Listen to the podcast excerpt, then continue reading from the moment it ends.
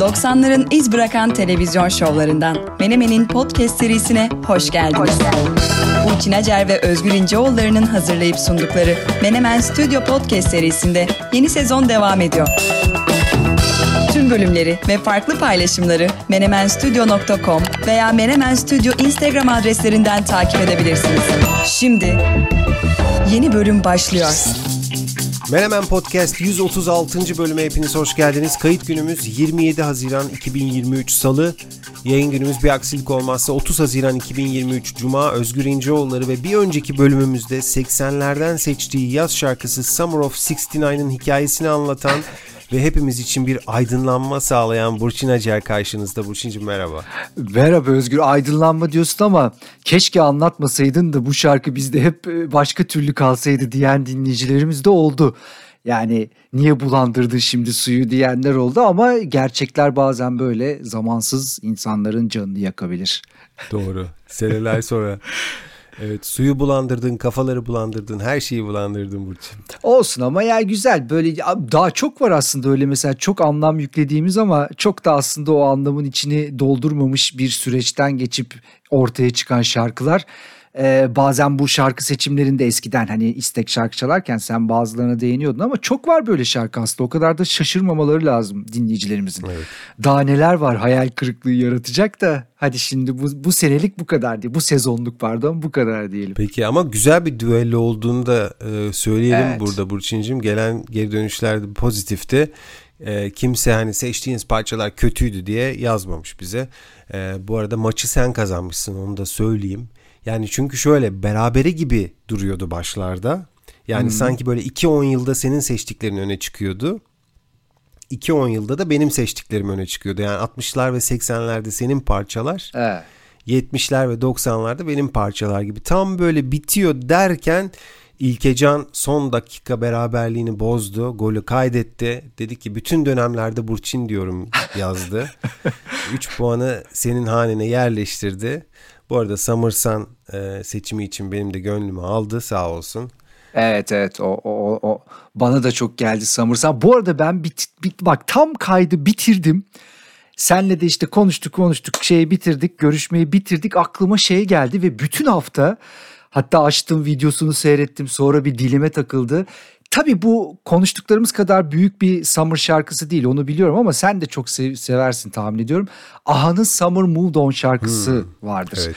Ya bir Take On Me değildir, Sun Always Shines On TV değildir ama yani böyle oradaki iniş çıkış vokaller bir daha dinledim Özgür. Ya ne kadar güzel bir şarkı Summer Moved On. Yani aslında biraz hüzünlü de bir melodik yapısı var. Ve bütün hafta böyle birkaç kere de dinledim. Ee, tekrar işte listeme aldım vesaire. Yani böyle bir anda geldi aklıma. Hiç buralara sokacağımız bir şarkı olmasa da aha sevenler için e, muhtemelen uzun yıllardır dinlemedikleri bir şarkı. Çok güzel bir şarkıymış ya. Kesinlikle öyle kesinlikle. Geçen geçen yaz canlı seyrettim Aha'yı. Bu şarkıyı da söylediler evet. Ah güzel evet. ya. Bu arada geri dönüşü için herkese teşekkürler. Bir teşekkür evet. de Hakan'a e, ediyorum. Hakan Türkçe yaz parçaları için çok güzel bir liste yollamış. Çok iyi seçimler var içinde. Bir ara onları da toparlamamız lazım o parçaları Burçin'cim. Ee, mesela Sertab Erener Kumsal'da. Sever misin o parçayı? Aa doğru. Yani yazın gider tabii. Değil mi? Yaz parçası sonuçta. Tam yaz parçası evet. Yapalım mutlaka bu tarz düellolar diyorum önümüzdeki bölümlerde. Ne dersin? Yo yapalım yapalım. Düel düello kısmı hoşuna gitmiş dinleyicilerimiz. Onu se- sevdiler. Ya her şeyden bir düello yapabiliriz. her şeyden. Her şeyden bir düello çıkar. Peki bu arada bir bilgilendirme yapalım. Dinlemeye başladığınız bu bölüm yaz aramızdan önce paylaşacağımız, paylaştığımız son bölüm. Ee, Temmuz ve Ağustos aylarında herhangi bir paylaşımımız olmayacak. 1 Eylül 2023 Cuma günde 137. bölümümüzde geri dönmeyi planlıyoruz. E, şey de söyleyelim şimdi geçen hafta böyle bir hafta bir e, şey yaptık atladık ee, işte kişisel bazı sebepler diyelim benimle alakalı bazı sebepler yüzünden bu atlama gerçekleşti. Yoksa hani o siz de uzun bayram tatiline erken çıktınız köprüler yaptınız falan pek öyle değildi ama e, yani mücbir sebepler yüzünden böyle bir erteleme yapmak durumunda kaldık. Ee, bugün dediğin gibi artık sezon sonu, sezon finalini yapacağız. Bakalım finale yakışır bir şey olacak mı? Bölüm olacak finale mı? Finale yakışır bir bölüm olacak mı? Biraz uzun tutarız belki bugün. Ee, yani birkaç tane konu var benim konuşmak istediğim. Mesela ana konularımıza geçmeden önce eğer e, senin söylemek istediğin başka bir şey yoksa başlangıçta e, spor dünyasından bir noktaya değinmek istiyorum ben. Hadi hemen geçelim. FIFA Kadınlar Dünya Kupası'na e, Burçin bir aydan az bir süre kaldı. 20 Temmuz'da başlayacak. E, büyük bir organizasyon ama hak ettiği ilgiyi görmüyor maalesef.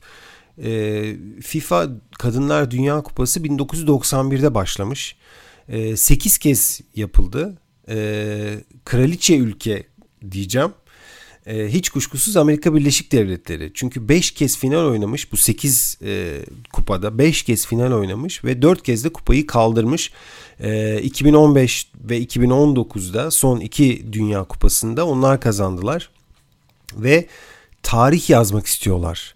Neden biliyor musun? Çünkü erkeklerde veya kadınlarda hiçbir ülkenin takımı arka arkaya Dünya Kupası'nı 3 kez kazanmadı. Buna en yakın şu anda Amerika Birleşik Devletleri. Çünkü 2015'te kazandılar, 2019'da kazandılar, 2023'e de e, iddialı giriyorlar. Bakalım bu kez de e, kazanabilecekler mi? Kadın futboluna ön yargısı olan var mı bilmiyorum. E, ben maçları çok heyecanlı buluyorum gerçekten. E, bilmiyorum sen seyrediyor musun? Hı hı. Geçen yaz UEFA Kadınlar Avrupa Futbol Şampiyonası olmuştu İngiltere'de ve evlerinde İngilizler kupayı kaldırdılar. Yani erkeklerin yapamadıklarını kadınlar yaptı. İngiltere'de kazandılar Dünya e, Avrupa Futbol e, Şampiyonası'nı. E, spor izlemekten hoşlananlara Dünya Kupası'nı tavsiye ederim. E, tek sorun şu bu kez turnuva e, uzaklarda yani bize uzaklarda. Ee, uzak tabi biliyorsun izafi bir şey. Avustralya ve Yeni Zelanda'da düzenleniyor ve maç saatleri nasıl olacak kestiremiyorum açıkçası. Amerika Birleşik Devletleri'nde ciddi bir heyecan duyuluyor diye düşünüyorum. Çünkü e, mesela Washington DC'de Dünya Kupası sırasında e, restoran ve barların 7 gün 24 saat açık kalmasına izin verilmiş. Gerçekten e, ilginç geldi. Bu arada tabii söylemek lazım kadın futbolu erkek futbolu kadar izlenmiyor. E, onu biliyoruz arz talep meselesi. E, FIFA e, bu yıl e, kadın ve erkek futbol turnuvalarının eşit koşullarda yapılacağını duyurdu ama her şey aynı değil. Mesela ödül miktarları farklı. E, takımlar mesela gruptan çıkarsa oyuncular 30'ar bin dolar alacakmış. E, turnuvayı kazanan ülkenin oyuncuları ise 270'er bin dolar alacakmış. Yani erkek futbolundaki sayılar biliyorsun uzaya çıkmış durumda. Yani sayılar binler değil milyonlarla ifade ediliyor doğal olarak. E, buradaki ödüller maalesef onların yanında mansiyon gibi kalıyor. Ama yine de ilginin, sponsorların, maddi getirinin yıllar itibariyle arttığını söyleyebiliriz. Basit bir örnekle bitireyim. E, Fransa 2019'da yapılan turnuvayı 1.1 milyar kişi takip etmiş.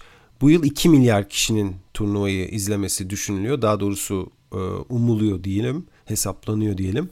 E, heyecan dolu bir başka organizasyon. Yani takip ediyor muyum? Aslında ediyorum. İşte en son Avrupa Şampiyonası öncesi Dünya Kupası e, işin tabii biraz daha fazla kitlelere yayıldığının farkındayım. Mesela yani bunun tipik örneklerinden bir tanesi FIFA oyununa şimdi kadın futbolu ekleniyor. Hatta bu Dünya Kupası için özel bir ekleme, e, güncelleme getirdiler. Türkiye'de de biliyorsun şimdi Fenerbahçe ve Galatasaray'ın bu işe girmesiyle beraber bir, bir şey oldu. Ya burada bir şey oluyor durumu oldu. Hatta ilk derbi e, Türk Telekom'daydı Fenerbahçe ve Galatasaray arasında. Bayağı da seyredildi yani. Ben de seyrettim. Çok da zevk alarak seyrettim. Belki kazanmamızın da etkisi vardır tabii bu işte ama ama ne oldu? Gel sen ligin sonunda yine tam tam bir Fenerbahçe bitirişi yaptık. Şampiyonluk maçında son dakikaya kadar galip getirdik getirdik getirdik. Son dakika beraberlik uzatmada da yenildik. O kupayı da verdik. Yani öyle ya da böyle şey yani Türkiye'de de bir hareket geldi. Yani Fenerbahçe ve Galatasaray'ın olması tabii orada rekabeti ve ilgiyi arttıracaktır ona eminim. Ve gayet de iyi e, şeyler var. E, sporcular var güzel maçlar oluyor. Daha da ilgi görecektir diye tahmin ediyorum. Ben de zevk alıyorum yani şey değil. Ya işte hani böyle eleştiriler var ya işte çok oynanmıyor da bir türlü gitmiyor da top pek öyle yok, değil yok. yani. Hatta erkek futboluna göre daha çok pozisyon var. E, daha çok aksiyon var. O yüzden de hoşuma gidiyor. Yani bir, tam 90 dakika seyrettiğim Fener Galatasaray maçını çok sevdim ki şey Amerika falan çok acayip tabii o. Bayağı pozisyon oluyor, bayağı gol oluyor ve de çok güzel evet, goller evet. oluyor. Evet evet böyle enstantaneler e, e, ekstra böyle şık goller görüyoruz. Hatta bir ara şey haber de vardı. O tabii başka bir konu ama İngiltere'de işte kadınların beyaz şort giymemesi üzerine bir kampanya yürüttüler. İşte bu renkli dönemlerinde sıkıntı oluyor diye. İşte bir, bir, bir ara federasyon şey yaptı. Hayır işte bizim şortlarımız beyazdır, mavidir falan. Sonra ama baya bir şey bir, bir kamuoyu oldu bu konuda. Hatta işte Nike gibi sponsorlar da bu konuda özel şortlar ürettiler ve e, bildiğim kadarıyla bu Dünya Kupası'nda da o mavi şortu giyecek İngiliz e, kadın futbol takımı. E, o da bir ara gündem olmuştu yani bu bu onları takip etmiştim. Bakalım yani takip edeceğim. Notlarımda var Dünya Kupası. Peki şimdi e, bu hafta sonu Glastonbury'yi seyrettim. Bu arada onu söyleyeyim. Hani ondan çok bahsetmeyeceğim ayrıntılı ama e, benim her sene geleneksel bir hafta sonumu kapattığım etkinliktir Glastonbury. Elton John'u mutlaka seyretsen çok seversin. Harika bir şey çıkardı, performans çıkardı onu söyleyeyim. Bence yani seyrettiğim en iyi Glastonbury setlerinden bir tanesiydi. Çok iyiler vardı, çok kötüler vardı. Tabii seyrettiğim zaman hep şu aklıma geliyordu. Ya yani biz böyle bir festival ha, tamam Glastonbury festivalleri anası aynısını istemiyorum ama bunun yarısını bile hala yaşayamıyoruz.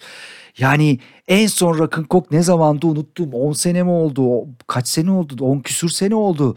Yani bir kuşak hiç bu tip festivallere gidemedi. Çadırda kalmak, biraz dağıtmak, gecenin bir yarısı işte çadırını kaybetmek, ertesi gün böyle uykusuz konser ise yani bu tip şeyleri yaşayamayan bir kuşak var. Yani seyrederken bir taraftan zevk alıp bir taraftan bunlara yine çok kızdım, çok üzüldüm. Ee, biraz kendimizi şanslı gördüm o açıdan bu tip festivalleri Türkiye'de yaşayabildiğimiz için. Ve tabii yani bu o şu sonuca da Şimdi dinleyicilerimize söyleyecek de Türkiye'de konser olmuyor mu? Oluyor. Ama o tür festivaller ayrı. Yani tek başına bir konser seyretmekle gerçekten 3 gün boyunca bir festivalde konaklayıp bir deneyim yaşamak apayrı şeyler, olaylar. Ee, ben de oradan yola çıkarak biraz bir dedim ki ya şu yazın bu şehirde İstanbul ağırlıklı neler olacak? Hangi konserler olacak? Tam da son program öncesi böyle bir yaz konserleri öneri serisi gibi bir şey çıkardım. Ee, belki şu ana kadar çok e, bakmamış olanlar vardır. Onları da bir tavsiye niteliği taşıyabilir. İstersen şöyle bir aldığım notları tabii bu bugünden itibaren yani Temmuz konserlerinden itibaren şöyle bir hızlıca sayayım belki bir yaz önerisi olarak da geçebilir. Harika olur. Bu arada Glastonbury'nin bölüm bölüm parçalarını genelde sosyal medyada gördüm. Ee, Rick Astley'e çok şaşırdım ya. Ya çok iyi değil mi ama? Evet. inanılmazdı. ACDC neydi? Black... Um... Highway to Hell. Highway to Hell'i çaldılar ya. Hakikaten çok da güzel çaldılar. Highway to Hell çaldı. Smiths'ten bir şarkı çaldı. Performansı çok iyiydi. Tabii şey, bir de biliyorsun Rick Astley'nin Never Gonna Give You Up şarkısı genç kuşak için bir mim olduğundan tabii, tabii. dolayı herkes onu tanıyor. Yani 3-4 kuşak falan 3-4 değil mi? Yani bayağı bir 3 kuşak Rick Astley'i tanıyor. Ee, eskilerden Blondie vardı, Pretenders vardı. E, Sparks, Kate Blanchett'la beraber enteresan. Yani bu eski ekip de çok iyi perform. Texas mesela hmm. çok iyi performanslar çıkardı. E, headliner'lar arasında bir tek Guns N' Roses'ı beğenmedim. Onu da söyleyeyim. Bir köşeye koyayım. Çok da uzatmıyorum şimdi. E, Guns N' Roses birini çağırdı sahneye. Guns N' Roses Dave Grohl'u çağırdı. e, Paradise City'de. O güzeldi. Ama yani Axl Rose yani bazen ses bambaşka bir yere gidiyor bazen düşüyor. Slash bazen kafasına göre böyle dağıtıyor gidiyor falan. Ya bir, bir, bir dağ mesela Foo Fighters'ı falan izliyorsun ya da Queens of the Stone Age'i falan taş gibi abi adamlar. Çıkıyorlar çat çat çat çat yani hiç hatasız Manic Street Preachers falan. Yani Guns N' Roses bambaşka bir alemde ama tabii hani sonuçta karşında Guns N' Roses işte Paradise City, Welcome to the Jungle falan güzel hisler tabii o, o apayrı bir durum. Onların 90'larda yaşadıkları hayattan sonra şu anda 2023'te sahnede bir arada bulunmaları bile mucize bence. Ama öyle diyorsun da bak o dönem onu yapan ve bugün hala iyi müzik yapan işte Mötley Crüe, Metallica'ya falan baksana ya. Evet, yani Metallica doğru. şu anda bak Avrupa'da turnede belki İsviçre'ye gelmişler hatta geldiler galiba. Yani çatır çutur çalıyorlar Özgür. Hiç bak böyle yani milim şey yok. Ne fizik olarak ne kondisyon olarak hiç bana anlatmasınlar. Guns çok böyle glamdi işte rock, dra- sex, drug, rock and roll hepsi öyleydi. Bunlar apayrı kafalara girdiler. Yani pek örneği yok öyle söyleyeyim. Peki. Neyse şimdi Guns N' Roses'u burada şey gömmeyelim ama yine de onu gö- görmek güzeldi. Şimdi İstanbul'a dönersek yaz konserlerinde şimdi yakın dönemle başlayalım dedik. Hemen bu kaydı yaptığımız günün bir hafta sonrasında 4 Temmuz'da Küçük Çiftlik Park'ta Cigarettes After Sex var. Ee, Türkiye'de çok seviliyor bu grup. Ee, yani dinlememişler için şimdi grubu tanıtmayayım diyorum. Hani onu o apayrı bir durum ama bilenler zaten biliyorlardır. Amerikalı bir grup. Çok güzel müzik yapıyorlar. Biraz hüzünlü, biraz seksi isimlerindeki gibi. Ee, Hatta öncesinde de Jacuzzi çıkacak. 4 Temmuz'da bence senenin en dikkat çekici konserlerinden biri olacak. Hemen sonra 8, 9, 12 Temmuz'da 30. İstanbul Jazz Festivali var. Ee, çok bekleyeni var. Şimdi bu festivalin tabii bir cazla alakalı durumu var. Bir de daha popüler kültüre yakın grupların geldiği bir kısmı var. Ee, biraz oraya belki e, odaklanmam lazım diye düşündüm. Orada da birkaç farklı tarih var. Şimdi 8-12 arasında... E, mesela 9 Temmuz Morchiba çıkacak. O da Türkiye'de çok sevilen e, bir grup. Çok da popüler bir grup. E, 12 Temmuz'da yine Jazz Festivali kapsamında The Lumineers çıkacak. E, biz Hey Ho şarkısını çok çaldık mesela Power FM'de. Yani bayağı popüler olmuştu biz çaldığımız zaman. Yani dünyaca ünlü bir şöhrete kavuşmuşlardı bu şarkıyla. O yüzden performanslarını da merak etmiyor değilim. 12 Temmuz'da onlar sahne alacaklar. Kovacs var. Kovacs'te yine e, yani şey yapmayacağım, mütevazilik yapmayacağım. Bizim Power FM'de çok üstüne gittiğimiz, tanıttığımız hatta konuk aldığımız çok enteresan bir grup. Seviliyor. Riff Cohen gelecek. Okay Temiz de bir performans gösterecek. E, bunlar Jazz Festivali kapsamında tekrarlayayım 8, 9, 12 Temmuz'da Park Orman'da gerçekleşecek. İKSV düzenliyor Jazz Festivali'ni. Yani Temmuz hızlı başlıyor. 14 Temmuz'da daha hafta sonu Glastonbury'de gördüğümüz Hooverphonic Türkiye'ye geliyor. Unique İstanbul'da bir performans sergileyecek Temmuz ortası. Temmuz biterken de e, finali The Prodigy ile yapacak İstanbul Küçük Çiftlik Park'ta. E, hemen sonrasında bir gün sonra yani 24 Temmuz'da bence yine Türkiye'de çok dinleyicinin beklediği Interpol konseri var. Maksimum Unique açık havada gerçekleşecek. Ee, yani bir post-punk grubu çok popülerdir, çok şarkısı bilinir. E, bence yine senenin en dikkat çekici konserlerinden biri olacak. Temmuz bitmeden acayip bir vites arttırma oluyor. Çok çok mu hızlı gidiyorum bu arada yani gerçi not almak isteyenler varsa ala çok bir, bir, bir vites artıyor. 28 Temmuz'a geldiğimizde e, Sigur Ros geliyor Türkiye'ye. E, harika bir gruptur. 28 Temmuz'da Küçük Çiftlik Park'ta olacaklar. Onlar da en son yani bayağı bir 5-6 sene önce geldiler Türkiye'ye. Yani aradaki süre bayağı açıldı. O yüzden ben tıklım tıklım bir konser olacağını düşünüyorum. Tekrarlayayım 28 Temmuz'da Küçük Çiftlik Park'ta olacaklar. Hemen bir gün sonrasında 29 Temmuz o kutlu günde, o önemli günde e, birçok hem de birden çok şimdi tabii doğum günü nedeniyle çok fazla ilgi oldu bu sene İstanbul'da. Mesela Zoo gelecek dans müzik severler için Zorlu PSM'de aynı gün DJ Snack İstanbul'da e, Major Plus İstanbul'da sahne alacak. Yine aynı gün 29 Temmuz'da start alacak. Bence geçen senenin en iyi festivallerinden bir tanesiydi.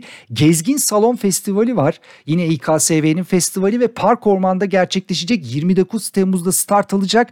Benim çok sevdiğim John Hopkins çıkacak. Ee, onu mesela çok seyretmek istiyorum. Çok da iyi bir line-up hazırlamışlar. Steel Corners da geliyor ve birçok isim var. Ama benim gözüm Joe veya gidersem eğer kulağım John Hopkins'te olacak. Park Orman'da bu senede geçen sene gibi iyi bir festival çıkaracaklarını düşünüyorum. Bunlar hepsi 29 Temmuz. Yani 29 Temmuz'da nereye gideceğini şaşıracak İstanbullu müzik severler. Sonra Ağustos'a geliyoruz. Ağustos'un ilk haftası geçtikten sonra yani 8 Ağustos'ta enteresan bir konser. Callum Scott geliyor. Callum Scott şimdi İngiltere'de popüler bir isim. Bu İngiltere'nin yetenek yarışmalarından çıkan bir isim ve ondan sonra da gayet de iyi bir performans ortaya koydu. Ee, Harbiye Cemil Topuzlu Açık Hava Tiyatrosu'nda sahne alacak. Nasıl bir konser olacak merak ediyorum açıkçası. Ee, Callum Scott benim için sürpriz performanslardan biri. E, 12 Ağustos'ta sen bence çok seversin. E, Benjamin Clementine burada olacak. E, yani bence çok büyülü bir performans olacak. O da PSM Loves e, Summer serisi kapsamında Zorlu PS Zorlu Performans Merkezi'nde olacak. Tekrarlayayım.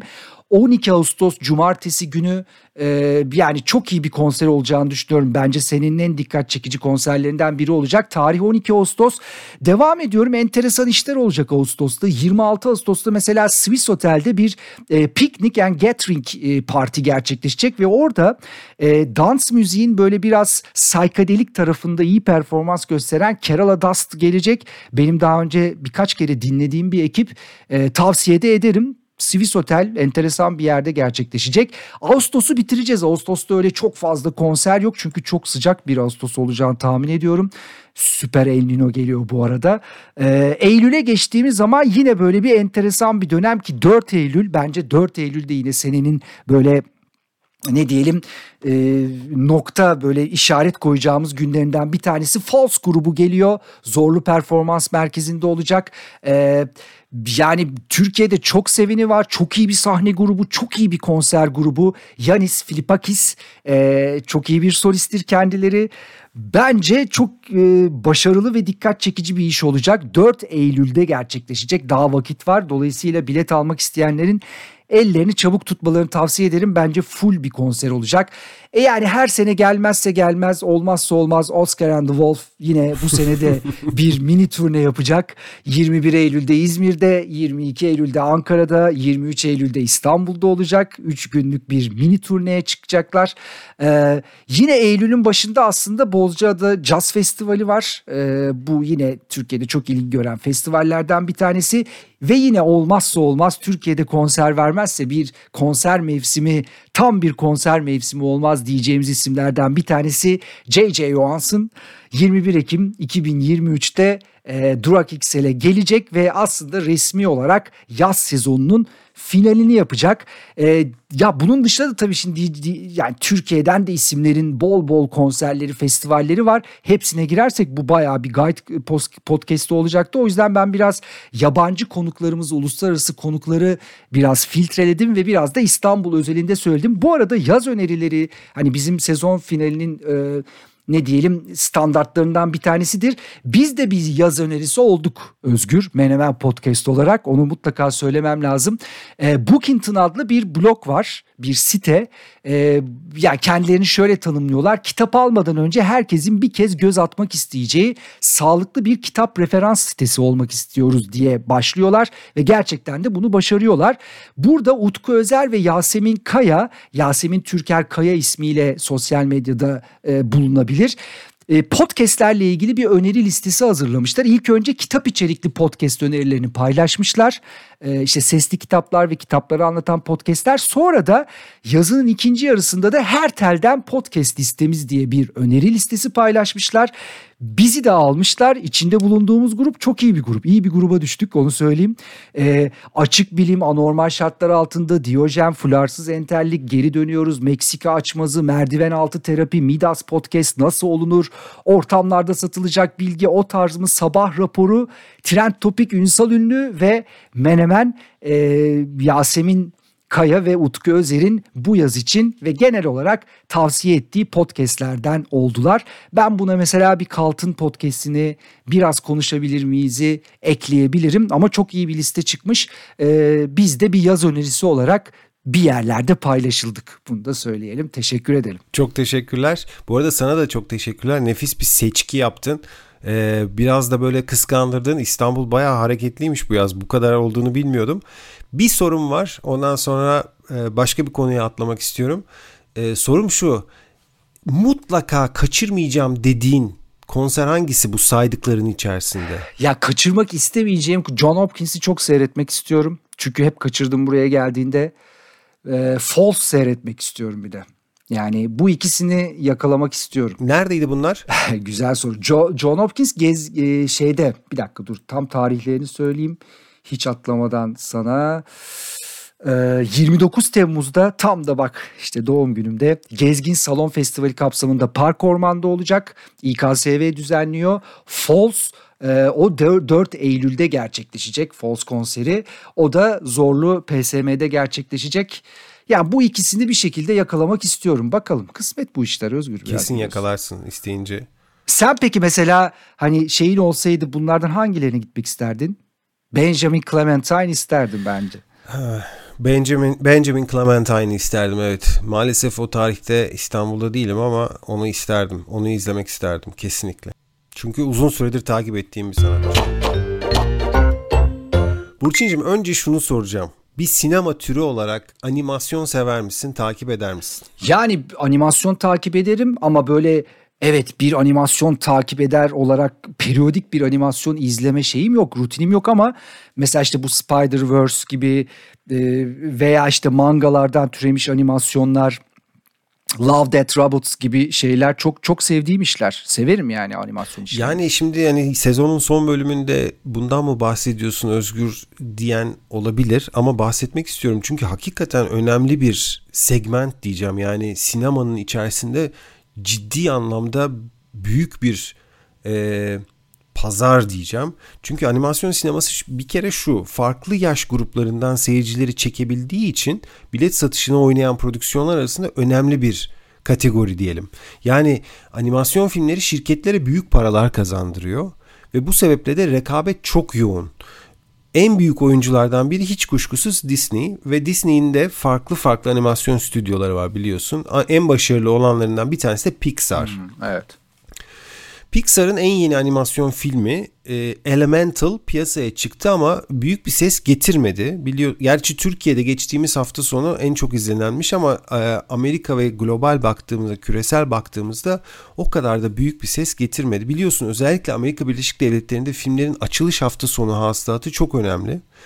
E, bu filmin ilk hafta sonu gişe hasılatının 35-45 milyon dolar arasında gerçekleşmesi bekleniyordu ki bu aslında düşük bir seviye. Yani buralara bile gelemedi. Yani 30 milyon doların altında e, kalmış ilk hafta sonu hasılatı. Bizim tabi sinema sektörümüzü düşündüğünde çok büyük e, bir miktar ama e, Amerika sineması için, Amerikan sineması için oldukça orta seviyede. Çünkü ya, yapılan yatırımlar çok büyük. Bir de tabi şu var. Pixar. Yani Pixar'a bir parantez açalım burada. Pixar çok önemli bir animasyon stüdyosu. 1970'lerde ee, 1979'da e, hatta e, Lucasfilm'in e, bilgisayar bölümü olarak böyle bir avuç insan bir avuç böyle müthiş beyin tarafından kuruluyor. O zaman adı da Pixar değil. Graphics Group diye kuruluyorlar. Ee, dediğim gibi Lucasfilm'in George Lucas'ın kurduğu Lucasfilm'in altında bir grup. Ee, 80'lerin ortasında Apple bak vizyona bakar mısın? 80'lerin ortasında Apple şirketi yatırım yapıyor Pixar'a e, Apple'dan yatırım alıyor. Steve Jobs da büyük bir ortak oluyor. Pixar'ın büyük ortağı haline geliyor.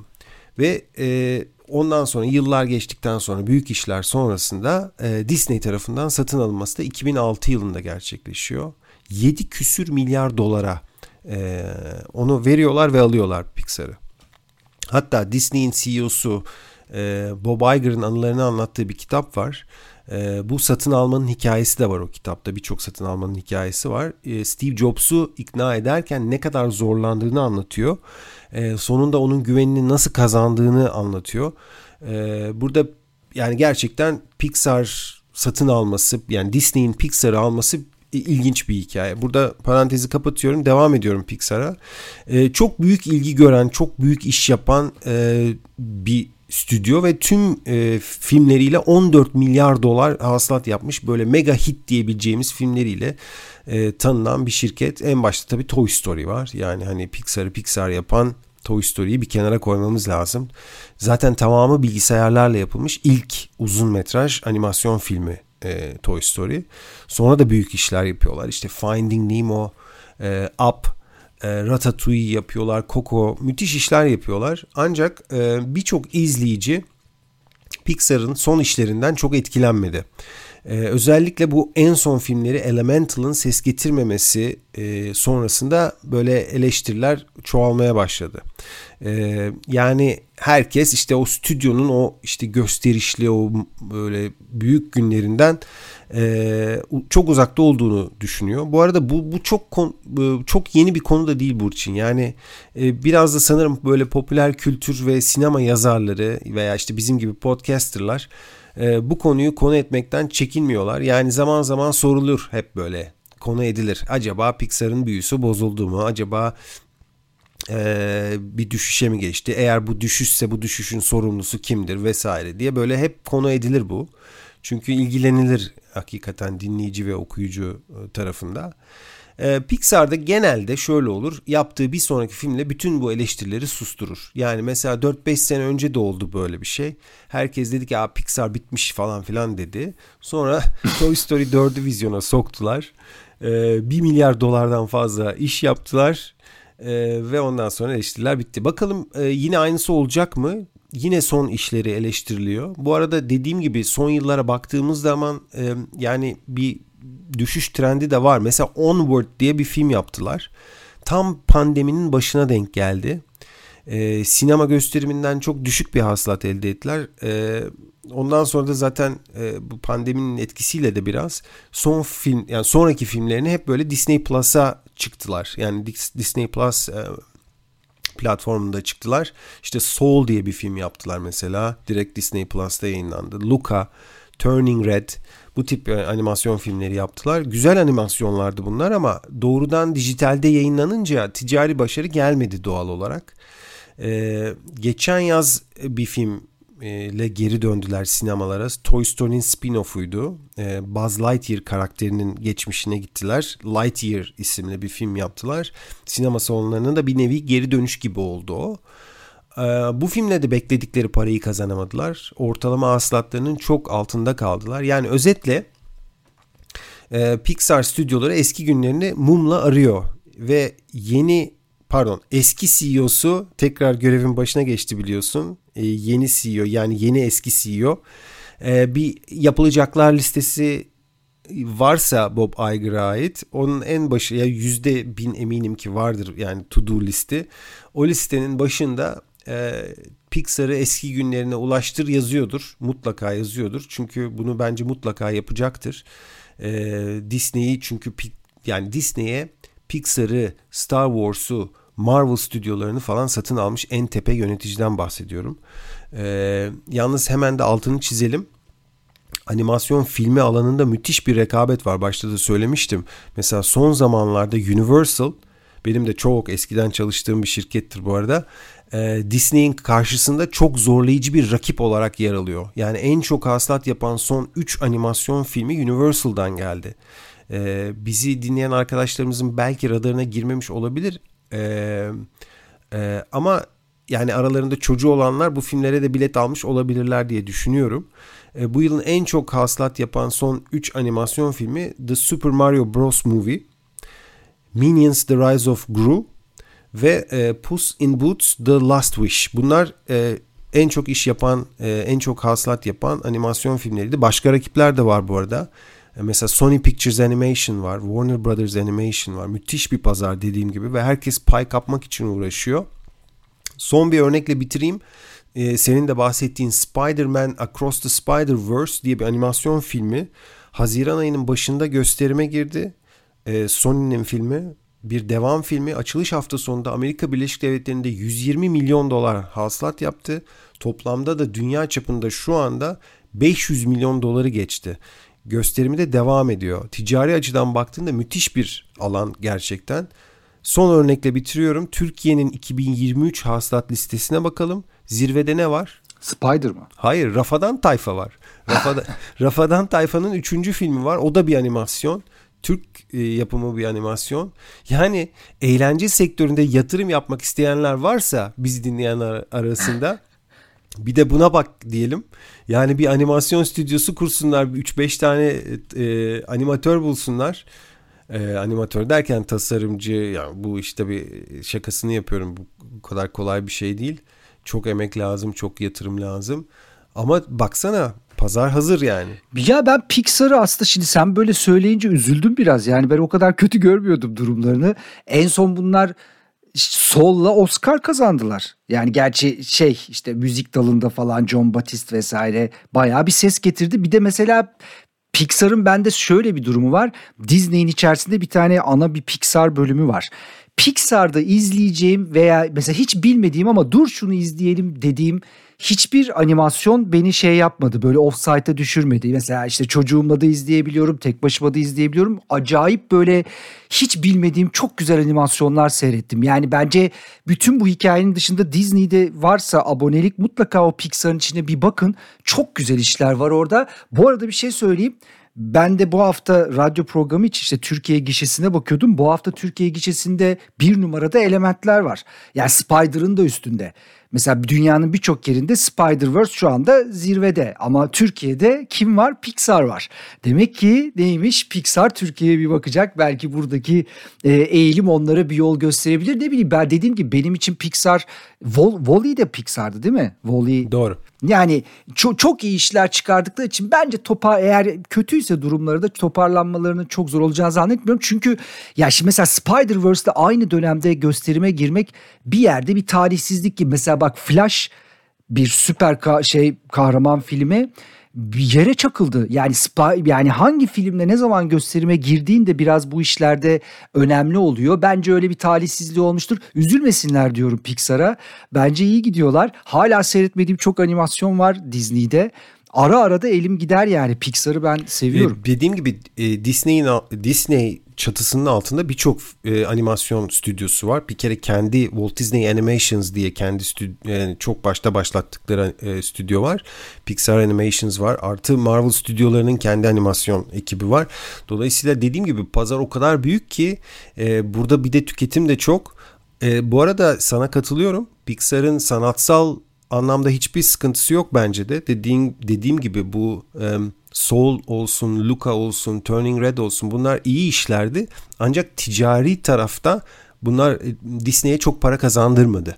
Toparlar toparlar. Ben Pixar'dan yana e, umutluyum. Bir şey olmaz onlara ama animasyon severlere Love That Robots'u ve Rick and Morty'yi şiddetle tavsiye ederek bu kısmı e, geçiyorum. Artık yavaş yavaş sezon finaline doğru yaklaşıyoruz. Son dakikalar o zaman bir sezonun son bir de buna bakını yapalım mı? Yapalım. Hatta Hadi yapalım. E, iki öneriyle bitirelim bu sezonu. İki öneri. Evet. Güzel. E, önce ilginç bir internet sitesi için bir de buna bak diyorum Burçin'cim. E, nasıl tarif edeyim diye düşünüyorum. Hani böyle önemsiz diye tarif edebileceğimiz bazı bilgiler vardır ama duyduğunda da sana ilginç gelir. İngilizce'de trivial denir bu bilgilere.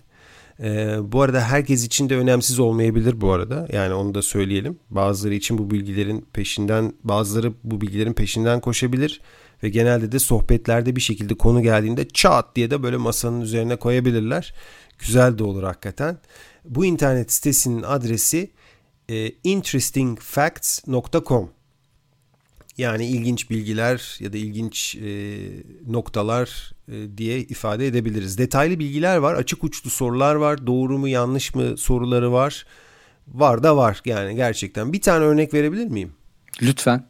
Mesela Jackie Kennedy hakkında 6 ilginç bilgi diye bir, bir tane okudum mesela. O kadar ilginç geldi ki altısını da sayıyorum. E, sıralı sıralı hızlı bir şekilde gidiyorum. E, bir kısmını bilmiyor olabilirsin diye düşünüyorum. Mesela bir, Washington DC'deki ilk işi gazetecilikmiş Jackie Kennedy'nin. Bilmiyorum. İki, televizyon için bir program sunmuş Beyaz Saray Turu diye ve bu programla Emmy ödülü kazanmış. Oh. Evet. Üç, birçok yabancı dil konuşabiliyormuş. Fransızca, İtalyanca, Lehçe, İspanyolca gibi.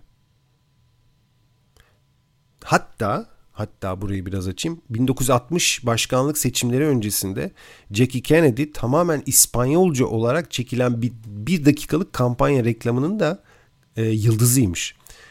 Geçiyorum dörde. E, Kennedy yönetimi için kullanılan kamelya terimini o bulmuş. Meraklısı mutlaka bulabilir bununla ilgili ilginç bir hikaye. Kamelya diyorlarmış Kennedy yönetimine. 5. New York'ta başarılı bir kitap editörü olmuş. Ve 6. New York City'nin en güzel ve tarihi noktalarından biri olan Grand Central ter- Terminali vardır. Ee, çok güzeldir gerçekten. Onu yıkılmaktan kurtaran kişiler arasındaymış. Yani yıkılmaktan kurtarılmasına katkı sağlamış. Peki bu sitede mesela bir isim giriyorsun o isimle ilgili şeyler mi geliyor sana? Öyle bir sistem mi var? Arama çubuğu var mıydı tam hatırlamıyorum. Mutlaka vardır ama orada zaten sana çıkarıyor böyle işte bugünün ilginç bilgileri, bugünün ilginç sorusu falan filan diye. Çok ilginç hakikaten böyle hani e, aramızda meraklılar varsa böyle hani ilginç bilgilere ve böyle hani ortamlarda satılacak bilgilere. Ta onu diyecektim. evet ortamlarda satılacak bilgileri interestingfacts.com'dan ulaşabilirler. Bunlar ve daha fazlasını bu siteden okuyabilirsiniz. Meraklısına ilginç bilgiler. Adresi tekrarlıyorum interestingfacts.com bir de buna bak diyoruz. Bir başka bir de buna bakımız var. Sen az önce aslında çok ucundan bahsettin ama ben bir daha bir altını çizmek istiyorum. Böyle fosforlu kalemle e, üstünü taramak istiyorum. Caz sever misin Burçin? Önce onu sorayım. Yani senin kadar değil ama e, yaş, yaş aldıkça biraz daha sevmeye başladım. Bozcaada'yı sever misin? Yani severim tabii. Tamam o zaman Bozcaada Jazz Festivali seni bekliyor. İkisini bir araya koyuyorum. Güzel de bir tatil yapabilirsin aslında. Yani yapabilir herkes. 8, 9, 10 Eylül'de sen söyledin ama dediğim gibi bir altını çizmekte fayda var. Bozcaada'da her yıl bir teması oluyor bu festivalin. Bu yılki tema oyunmuş. Oyun olacakmış tema. Ustalar var, yeni yetenekler var. Birçok destekçisi var festivalin. Ana sponsor Paribu. E, tüm bilgileri aslında internet sitelerinde bulabilirsiniz. Ben çok uzun anlatmayacağım. Bozcaada Bu da bir de buna bakın ikinci önerisi oldu. Ve sezonun son önerisi olarak da kayıt, e, kayıtlara geçmiş oldu değil mi? Yani artık bir de buna bak da bu sezon başka öneri duymayacaksınız. Sen hesaplamışsındır bizim yeni sezon ne zaman başlıyor? Hemen söyleyeyim. Zaten kapanış gibi olacak bu. Eğer senin başka eklemek tamam. istediğin yoksa. Yok yok başka bir şey yok. Başka söyleyecek bir şey yok. Evet Burçin'cim 136. bölümümüzün sonuna geldik. Hatta dediğin gibi bu sezonun dördüncü sezonun sonuna geldik. Defteri kapatıyoruz. Defteri kapatmadan önce e, birkaç küçük hatırlatma yapalım. İki ay boyunca e, bizimle irtibatta kalmak isterseniz Instagram hesabımızı kullanabilirsiniz. Ayrıca bize e, menemen.menemenstudio.com e-mail adresimizden de ulaşabilirsiniz. E, bizi dördüncü sezonda da dinlediğiniz için, destekleriniz için, katkılarınız için, fikirleriniz için çok teşekkür ediyoruz. Her sezon bir öncekinden daha da keyifli oluyor. E, bu da güzel ve motive edici mesajlarınız sayesinde oluyor. Burçin'cim her sezon sonunda yaptığım gibi sana da teşekkür etmek istiyorum. Harika bir podcast ortağı olduğunun tekrar altını çizmek istiyorum. Artık kapatabiliriz galiba. Sen olmasan olmazdı Özgür. yani mümkün değil yürümezdi. O yüzden sana ayrıca teşekkür ediyorum. Dinleyicilerimiz o kadar mutlu ediyorlar ki beni. Gerçi hadi bunu böyle dinleyiciye böyle bir şey yapmak, pohpohlamak için falan artık söylemediğimizi bildiklerini düşünüyorum. Onlarla artık böyle süre gelen, zamana yayılan bir ilişkimiz olduğu için geçmişe referanslı artık mesajlaşmalar başladı. İşte şurada şunu önermiştik, şurada şunu söylemiştik, bak şöyle olmuştu gibi. Ve bunlar gerçekten beni sadece podcast podcast açısından değil hayatın birçok alanında böyle besleyen e, çok pozitif şeyler, çok güzel şeyler. Her birine ayrıca teşekkür ediyorum. Yazan yazmayan, ulaşan ulaşmayan herkese teşekkür ediyorum. Güzel bir tatil olsun. Yorucu bir seneni e, yani ilk yarısını geçirdik hepimiz için hem zihinsel hem de fiziksel olarak. Umarım güzel dinlenmiş bir şekilde yeni sezonda yeni sürprizlerle, yeni projelerle tekrar beraber oluruz. Evet 39 bölüm yaptık bu sezon. Evet. Farklı farklı konular konuştuk. Ee, konuklar ağırladık. Yarışmalar bile yaptık. Neler neler konuştuk. İşte gündeme dair, popüler kültüre dair, hatta siyasete bile dair. Artık kapatabiliriz galiba. Bizi dinlediğiniz için teşekkür ediyoruz. 1 Eylül'de yeni 1 sezonda Eylül. tamam. 1 Eylül Cuma günü yeni sezonda 137. bölümle tekrar buluşmak dileğiyle diyoruz. Hoşçakalın. Görüşmek üzere.